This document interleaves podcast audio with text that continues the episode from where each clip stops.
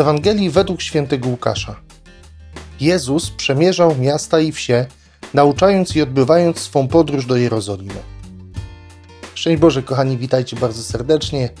Jesteśmy już przy niedzielnym rozważaniu.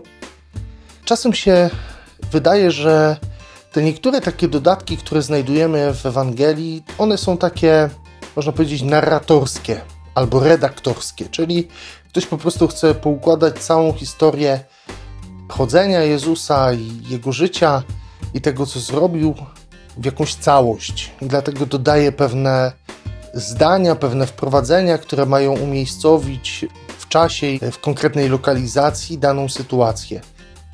Ale też spróbujmy zobaczyć, że te takie dodatki, one też są natchnione. To nie jest tak, że to jest zbędne, że to jest taki dodatek tylko, żeby wypełnić lukę. Natomiast jest to też zdanie, słowa, które są natchnione przez Ducha Świętego. Dzisiaj słyszymy o tym, że Jezus chodził od miasta do miasta, od wsi do wsi, nauczał, będąc w drodze do Jerozolimy. Co to nam mówi?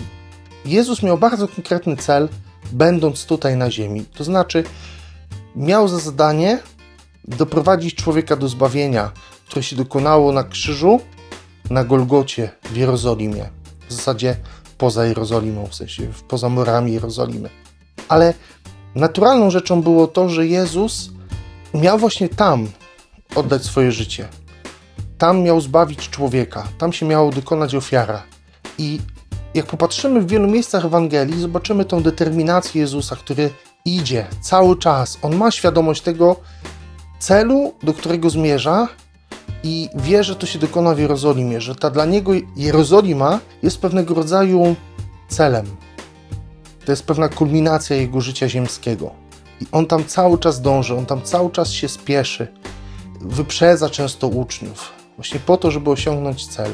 I tak sobie myślę, że zobaczcie, to wszystko, co się działo by między punktem A, czyli jakimś punktem wyjścia z Galilei, a punktem B, czyli Jerozolimą, że bardzo często my gdzieś tam pomijamy te wszystkie etapy, miejsca.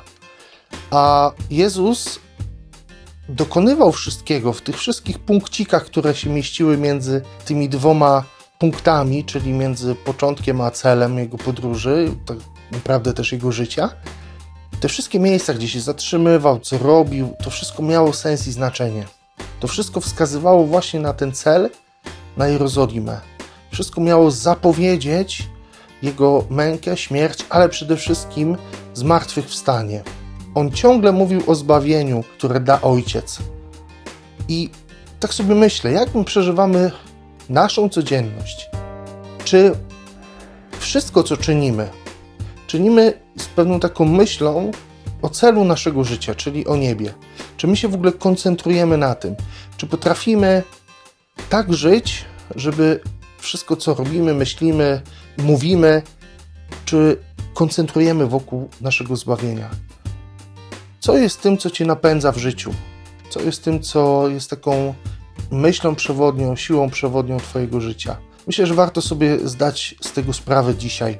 Szczególnie kiedy jeszcze przeżywamy wakacje, to już tak naprawdę jest przedostatnia niedziela wakacyjna i jeszcze może chcemy łapać ostatnie chwile odpoczynku, jakiegoś takiego relaksu, dystansu, żeby właśnie sobie uświadomić to.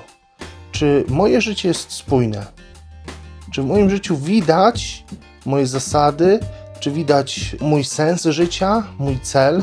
Czy ja gdzieś w tym wszystkim żyję spójnie? I, pomyślmy o tym.